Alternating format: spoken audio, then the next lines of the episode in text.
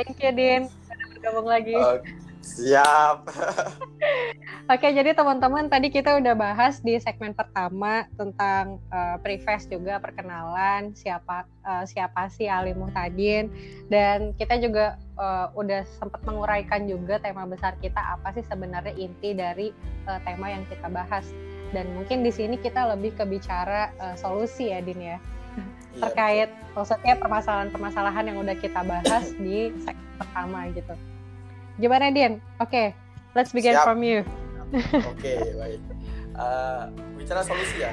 Uh, di segmen yeah. pertama tadi kita sudah bicara soal ini ya, bahwasanya solusinya adalah untuk membangkitkan jiwa-jiwa kritis seorang pemuda yang semakin hari semakin melemah gitu, semakin terkikis gitu. Kenapa? Karena sikap pragmatis pragmatis yang terlalu besar akhirnya membuat seseorang itu kritisnya makin hilang karena mm-hmm. hanya memikirkan memikirkan, mem memikirkan kepentingan dia sendiri begitu. Nah, saya akan beri mm-hmm. satu contoh kasus lah apa ya kita lebih kepada studi kasus saja. Gitu. Contoh begini, mm-hmm. uh, atau gampangnya saya saya saya ngambil contoh sendiri saya sendiri aja lah begitu. Saya hmm. adalah ma mahasiswa S1 di International Islamic University Islamabad jurusan Usuluddin. Nah, hmm. dari awal saya masuk ke, ke kampus ke kampus ini ke Pakistan adalah selain untuk belajar, saya ingin diakui oleh seseorang bahwasanya saya bisa kuliah di luar negeri sebagai mahasiswa luar negeri yang kita harus akui prestisnya itu luar biasa ketika seseorang sudah kuliah di luar negeri. Wah, luar negeri gitu mm-hmm. itu merupakan sebuah uh, pencapaian yang belum tentu semua orang bisa mencapai itu gitu. Akhirnya apa? Mm-hmm. karena latar belakang saya berangkat kuliah adalah saya untuk mendapatkan prestis itu. Di samping belajar itu adalah nomor sekian gitu. Atau hanya sebagai pembenaran saya untuk menutupi agar saya ingin diakui itu tersebut. Akhirnya apa? Ketika sampai di sini saya tidak tertarik dengan dunia-dunia kajian atau dunia-dunia keilmuan yang sifatnya adalah non formal atau di luar kelas. Karena mm-hmm. yang saya kejar bukan itu. Yang saya kejar adalah saya saya di kelas saya mendengarkan kemudian nanti saya belajar hanya untuk ujian supaya dapat nilai yang bagus, dapat CGPA yang 4 by 4 mungkin atau supaya orang tuh tahu wah anak ini kuliah di luar negeri tapi pinter dengan nilai IPK 4x4 luar biasa orang akan melihat itu dan itu yang saya kejar dan saya capai itu akhirnya saya mendapatkan pengakuan dari semua masyarakat biasanya Ali Mutadin adalah seorang mahasiswa luar negeri yang lulus dengan predikat summa cum laude kemudian mm-hmm. dengan IPK 4,0 itu kan luar biasa mm-hmm. orang mengakui tapi mm-hmm. saya juga sadar ternyata kapasitas saya adalah kapasitas kapasitas yang hanya mengejar sebuah angka. Saya belajar hanya untuk mendapatkan nilai 4 by 4. Akhirnya ketika saya terjun di masyarakat, saya pulang di Indonesia, mau tidak mau seseorang masyarakat di Indonesia menilai saya adalah seorang ustadz, seorang yang yang paham ilmu agama.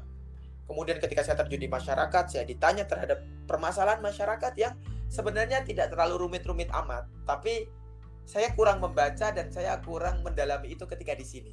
Akhirnya apa? Hmm. Akhirnya saya akan memberikan sebuah jawaban yang sebenarnya itu tidak tidak benar. Karena saya tidak tahu.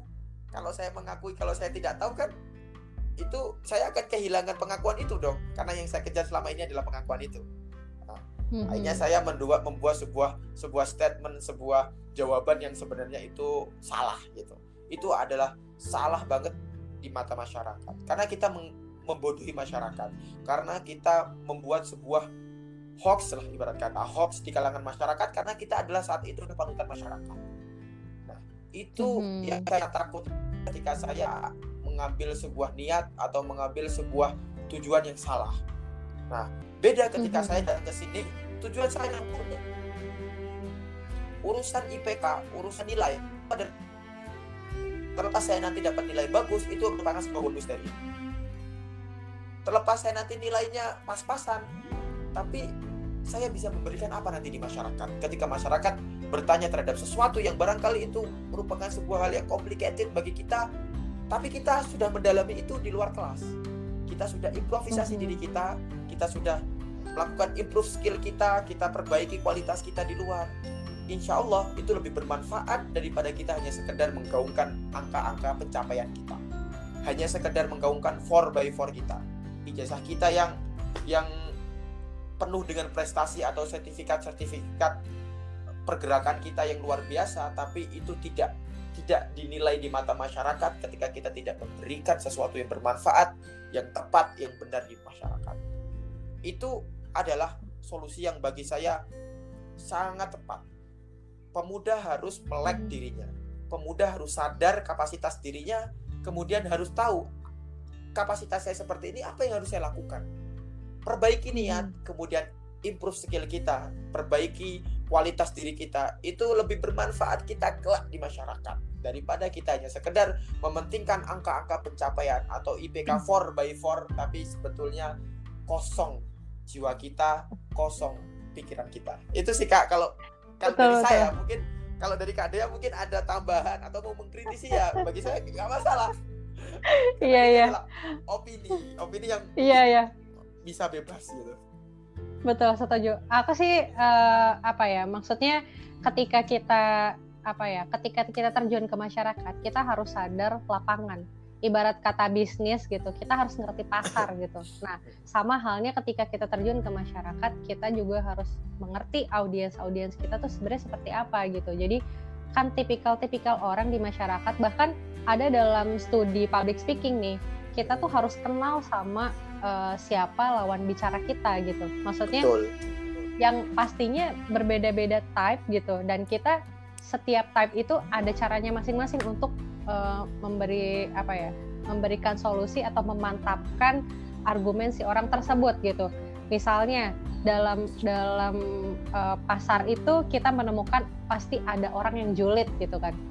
Pasti ada orang yang kritis pastinya. Pasti ada orang yang ikut-ikut aja pasti ada juga orang yang tipikalnya oke okay, yang penting saya dukung kamu apa pun yang kamu lakukan gitu. Pasti ada juga gitu.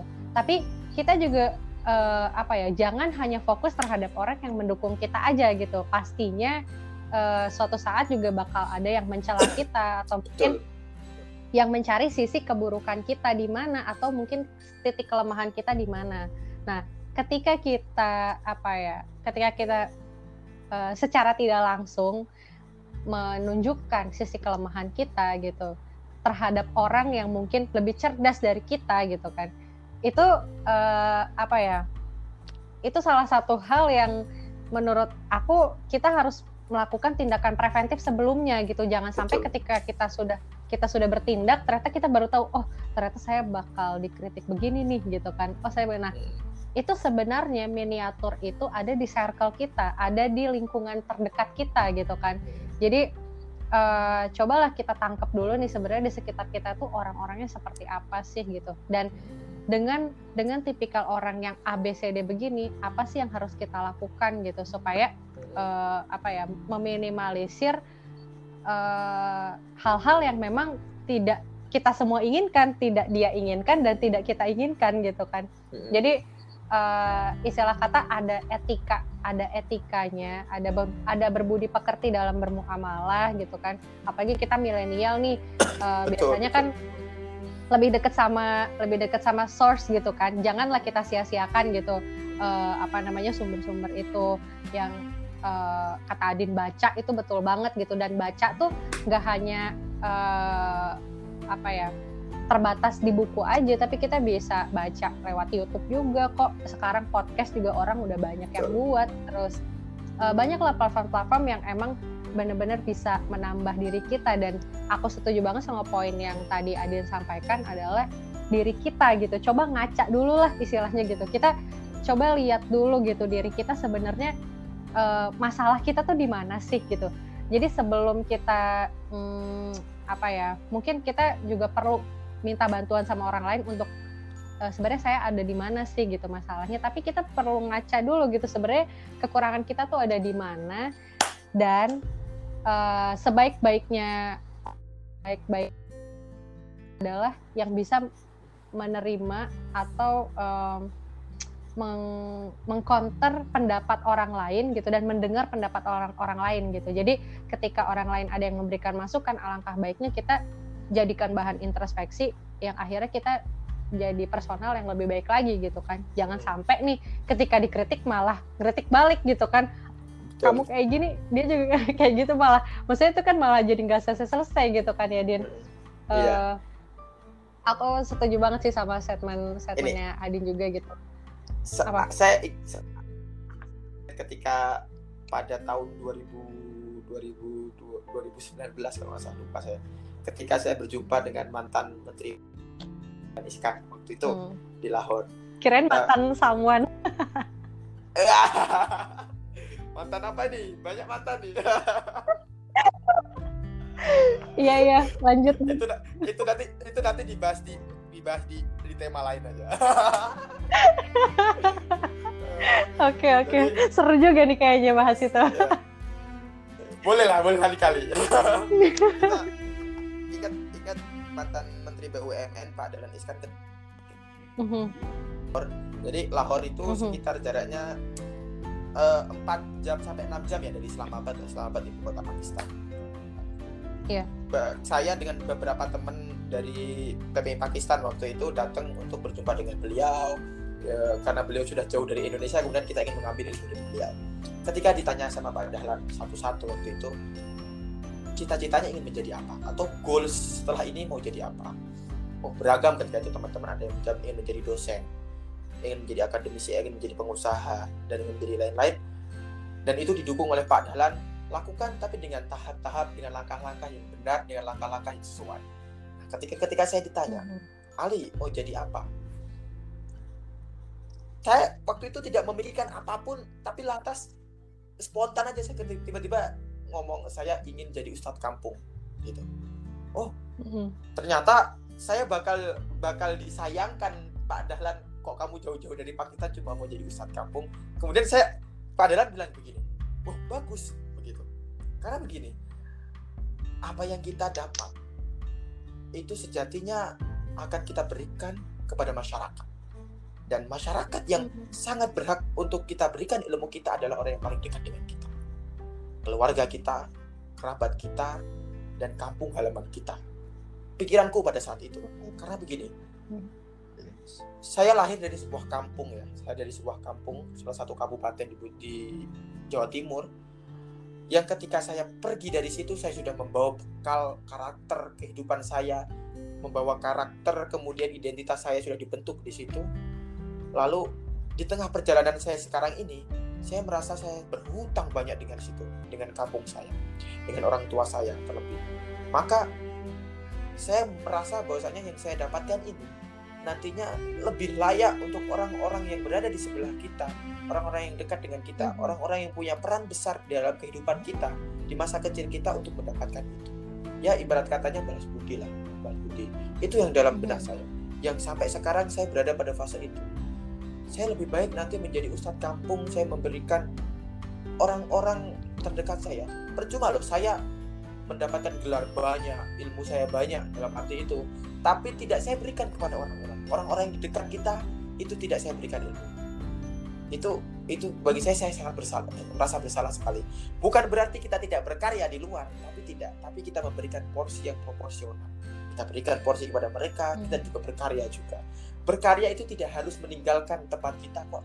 Atau memberikan memberikan memberikan sebuah ilmu atau memberikan manfaat kepada orang yang berada di dekat kita juga tidak harus meninggalkan mereka gitu. Artinya kita tetap memberikan itu dengan porsi dan kapasitas kita.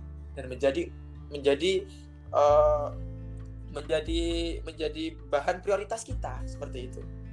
Pada saat itu. Mm -hmm. akhirnya saya saya lebih baik saya lebih kayaknya saya akan damai dengan situasi yang seperti itu daripada nanti saya dalam batin saya saya bergejolak. Apa sih yang saya kejar selama ini?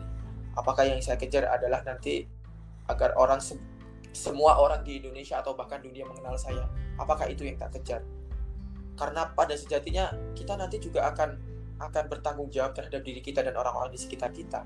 Apa jadinya nanti ketika saya melihat ketika saya pulang kampung orang-orang sudah tidak beragama orang-orang sudah tidak paham tentang agama, tentang ilmu-ilmu Islam, itu saya akan merasa lebih bersalah, sangat bersalah meskipun nanti saya dikenal oleh orang banyak orang tapi saya tidak melihat manfaat pada itu itu sih kak hmm. itu yang saya, sekarang menjadi bahan dukungan saya gitu. Eh, outstanding banget sih Din, weh keprok-keprok. Jadi uh, istilahnya nih ya, uh, apa ya kita itu sebenarnya gini, kalau bicara tentang perubahan kita tuh jangan mulai dari yang besar dulu gitu. Kita kayak apa ya, uh, kayak peramal gitu kan. Uh, mungkin 10 tahun ke depan saya akan begini. Ini ya boleh gitu. Betul. kita boleh punya step boleh punya step-step yang apa yang jauh gitu kan. Itu untuk karena ketika kita mempunyai mimpi besar gitu pasti langkah langkah yang kita raih pun akan kita perbesar gitu dan itu bagus gitu. Tapi yang menjadi salah adalah ketika kita hanya membiarkan hal tersebut menjadi mimpi gitu tanpa mewujudkannya. Terlebih kita menginginkan perubahan uh, instead of kita nyari perubahan yang dari hal kecil dulu gitu. Karena sebenarnya hal besar itu ada ketika perubahan kecil dulu yang dimulai gitu kan. Nah itu uh, sebenarnya aku juga setuju gitu karena ketika contoh lah kita bicara tentang Indonesia gitu ya. Kita bicara tentang Indonesia saya ingat ketika Pak Anies Baswedan itu mengunjungi uh, eh, PPI di salah satu negara dan beliau itu menyampaikan sebenarnya wakaf terbesar kalian kepada Indonesia bukanlah kontribusi kalian gitu, tapi diri kalian sendiri gitu.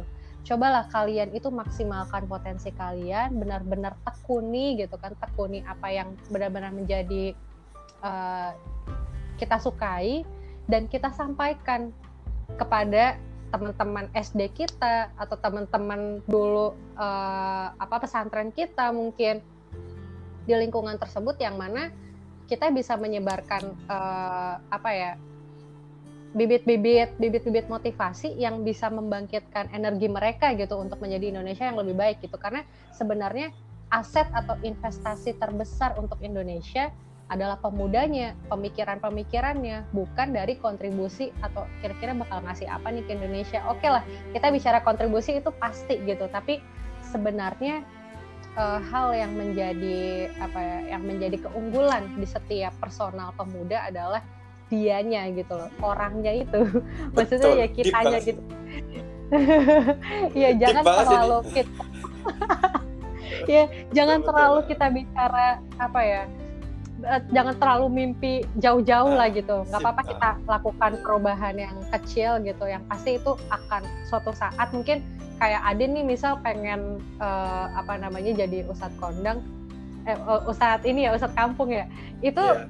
Iya. uh, apa ya itu adalah perubahan kecil yang Adin usahakan tapi dampaknya gitu mungkin setelah setelah Adin punya cucu gitu kali ya dan Adin akan uh, melihat bahwasanya ya ampun itu murid saya dulu sekarang udah jadi udah udah kuliah di mana-mana gitu kan itu kan kayak betul, betul. berarti ilmu saya bermanfaat ada yang ada yang saya ada yang bisa saya sampaikan nanti untuk uh, apa pertanggungjawaban saya gitu sebagai amanah yang sedang kita laksanakan di sini gitu ya. Hmm. Oke, okay, Din, Din. Oke, okay, satu lagi hal uh, sebelum kita closing statement. Eh, Aku yeah, tertarik yeah. sama filosofi Pak Adin kasih, yaitu ketika kamu men ingin menjadi dokter, kamu yang tertular di salah satu lingkungan. Itu gimana maksudnya? oh iya. Jadi gini. Oh. Ya, bagi yang bagi yang belum tahu nih, kita pernah ngobrol diskusi sama Kak Dea kan soal uh, apa ya? Kita sebenarnya itu ada sebuah lingkungan atau sebuah penyakit yang butuh dokter pada saat itu. Nah, ketika ketika Anda atau kalian dipercaya untuk menjadi dokter itu pilihannya adalah kalian mengobati tapi kalian tertular atau kalian memilih biarkan saja mati dengan begitunya gitu. Tapi yang, yang ini sebenarnya agak satir sih kayak tapi gini tapi bagi saya gini supaya teman-teman tuh tahu gini uh, kadang yang tahu kapasitas diri kita itu kita. Yang tahu sebagaimana sih jiwa kita itu kuat terhadap lingkungan itu kita sendiri. Nah, bagi saya ketika saya dihadapkan dengan sesuatu yang ketika saya melihat ini sudah semakin tidak wajar atau saya melihat si kondisi ini semakin buruk dari hari ke hari atau krisisnya itu semakin menular ke mana-mana mm-hmm. dan saya dipercaya untuk bagaimana saya bisa merubah mindset itu saya juga harus melihat kekuatan saya apakah saya mm. punya kekuatan untuk merubah itu atau justru saya tidak mempunyai kekuatan lalu saya akan tertular dengan mereka itu mm-hmm. kita di, di situlah pentingnya sebuah power dan pentinglah sebuah kedominanan terhadap sesuatu itu bagi jadi memang uh, ses, jumlah itu tidak tidak tidak tidak terpengaruh sih terhadap kemenangan atau atau kekalahan katanya kan berapa kam kamin fiatin latin golabat fiatin rotin kan gitu kan. Nah, jadi mm -hmm. se seberapa banyak lah banyak friko-friko kecil yang sebenarnya mengalahkan friko-friko besar begitu kan. Tapi terkadang saya berpikir realitas gitu. Saya berpikir dampak dari itu bahwasanya saya sadar diri kualitas saya di mana gitu. Ketika saya akan terjun di situ saya melihat carut marut keadaan yang semakin semakin semakin melebar begini loh. Ya mereka virus itu semakin kita harus PSBB nih kata. Atau kita harus lockdown nih gitu. Harus gitu. Keputusan untuk ada keputusan keputusan untuk amputasi itu harus dilakukan begitu loh. Meskipun itu berat bagi kita gitu loh kan jadi kata kita kaki kita harus kita potong nih jempolnya ini. Kalau tidak itu akan menyebar ke, ke diri kita. Meskipun itu berat. Meskipun ya Allah ih, saya nggak bisa dipotong ini. Tapi gimana? Kalau nggak kau potong ya harus harus ini harus harus dipotong. Kalau nggak nanti akan menyebar begitu. Iya iya. Makanya saya lucu kan jadinya ah ya saya dan semua orang berhak punya pilihan itu begitu. Tapi hmm. kak tapi akhirnya kita harus tetap harus tetap memikirkan sebuah takdir ke mana pun kita akan dituju gitu. Suatu saat ketika hmm. memang yang terbaik adalah kita menjadi dokter meskipun kita hmm. harus ya sekuat tenaga kita harus mati di dalamnya mm-hmm. ya memang itu cara Tuhan untuk menunjukkan sesuatu bahwasanya ini loh yang harus kalian tempuh seperti itu atau mm-hmm. ini loh yang seharusnya kalian pikirkan atau kalian harus sadar terhadap sesuatu itu ada mm-hmm. satu statement kak yang barangkali ada satu pembelajaran yang barangkali ini suatu hal yang kontradiktif ya orang banyak yang gak setuju mungkin tapi itu saya pelajari sambil saya berjalan di sini gini jadi saya termasuk orang yang suka musik indie jadi genre musik saya adalah indie gitu karena apa mm-hmm. karena tidak hanya alunan musiknya tapi karena lirik-liriknya itu memberikan sebuah pelajaran-pelajaran kehidupan bagi saya jadi mm-hmm. ada sebuah lirik indie yang mengatakan seperti ini dan itu sampai sekarang saya jadikan pijakan saya tuh telat sadar bahwa hidup itu bukan perkara mengambil yang sesuatu yang kita tebar, bukan. Karena apa? Ketika kita berharap sesuatu terhadap apa yang kita tebar, apa bedanya kita dengan orang pragmatis? Lakukanlah atau tebarlah benih itu sesuai kapasitas dan sesuai kemampuan kita. Urusan benih itu akan tumbuh, akan berbuah. Itu urusan nanti. Karena ketika mm-hmm. orientasi kita adalah buah, ketika dia tidak berbuah, yang terjadi adalah kita akan kecewa itu itu yang saya yang, yang saya pelajari sampai sekarang sekarang saya akan menebar apa pun dan sesuai kapasitas saya. Tapi saya saya mencoba untuk saya tidak berharap dari itu. Urusan nanti di akhir saya akan mendapatkan itu mendapatkan bonus dari itu. Itu adalah kuasa Allah. Saya tidak mau campur tangan di situ. Dan kalaupun nanti saya tidak mendapatkan sesuatu yang saya tebar itu ya sudah itu juga cara Allah untuk menunjukkan bahwasanya ini loh yang yang kamu hasilkan begitu. Hasil itu perkara kalian bisa berdamai dengan proses atau tidak cukup itu kalau kalau kalau kita berda, tidak bisa berdamai dengan proses dengan hasil yang seperti itu kita akan kecewa tapi ketika kita mendapatkan hasil kemudian kita berdamai dengan proses insya Allah kita akan tetap menabur benih-benih yang mungkin suatu saat akan mendapatkan hal yang di luar ekspektasi kita itu sih kak itu yang mm -hmm. barangkali agak kontradiksi sih mm -hmm. oke okay. uh, eh, oke okay, next mungkin uh, yang tem bagi teman-teman nih yang ngerasa bingung gitu kan ngerasa bingung sebenarnya apa sih yang kita bicarain gitu. Jadi ketika teman-teman uh, teman-teman ngerasa mulai ngerasa gitu mulai ngerasa uh, kayaknya saya nggak bisa di lingkungan tempat saya belajar atau mungkin di tempat saya uh, apa ya menerima apa pun lah pokoknya di, di gimana pun pilihan itu tetap, tetap ada di kita silahkan uh, silahkan apa ya silahkan tekuni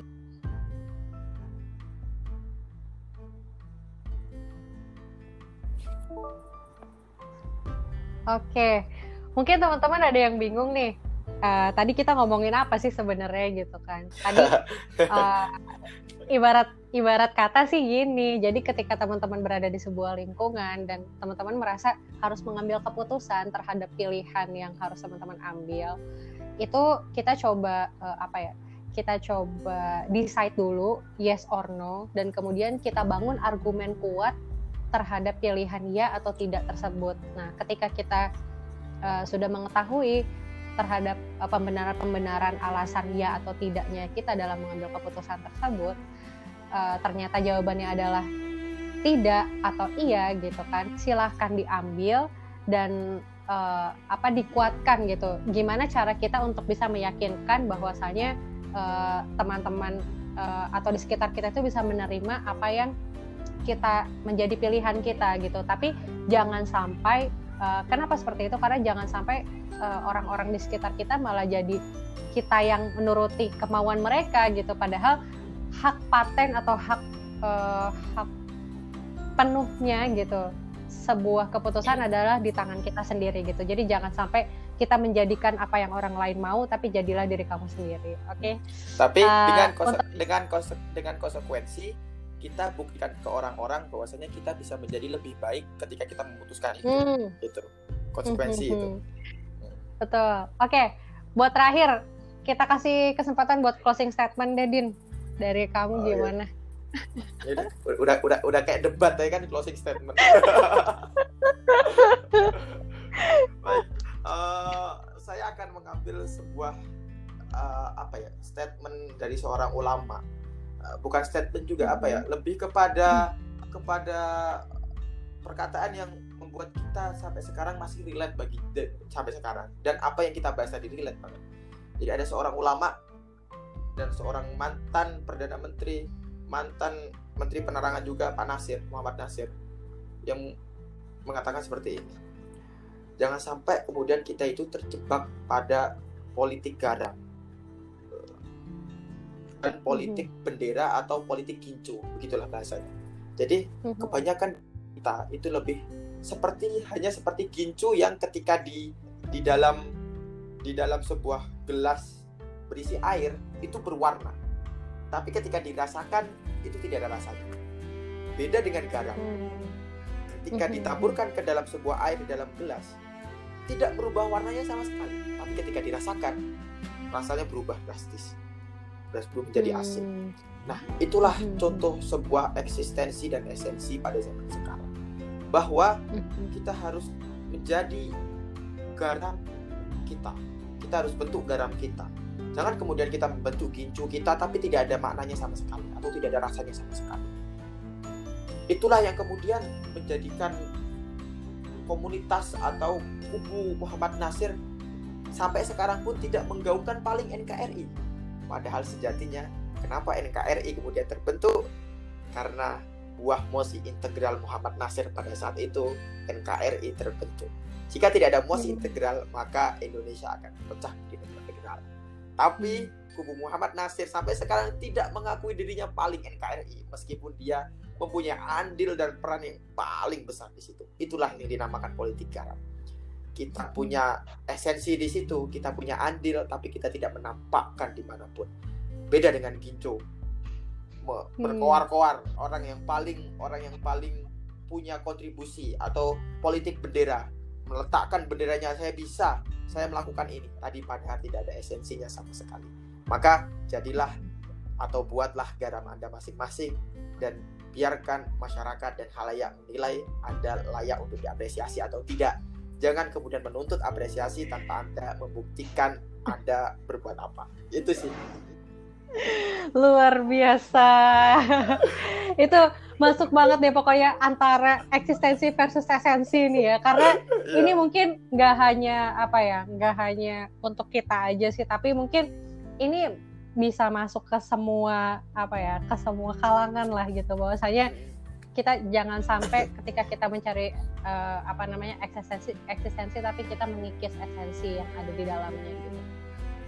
Uh, sama halnya seperti jangan hanya cuma kualitas aja tapi kita, eh, hanya kuantitas aja yang banyak tapi tanpa ada adanya kualitas gitu kan ya Betul pokoknya sekali. Uh, thank you banget ya Din ya udah mau bergabung yeah. di podcast uh, chat sharing with dia ini saya juga belajar banyak nih sama Kak yeah. juga semoga kita bisa apa ya ngasih semangat juga buat teman-teman uh, dan apa ya renew lagi merefresh kembali lagi niatnya kalau misalkan memang kita mulai jenuh atau mulai futur terhadap goal yang mau kita capai mungkin bisa bangkit lagi sama semangat semangat dari Kak Ali Muhtadin ini.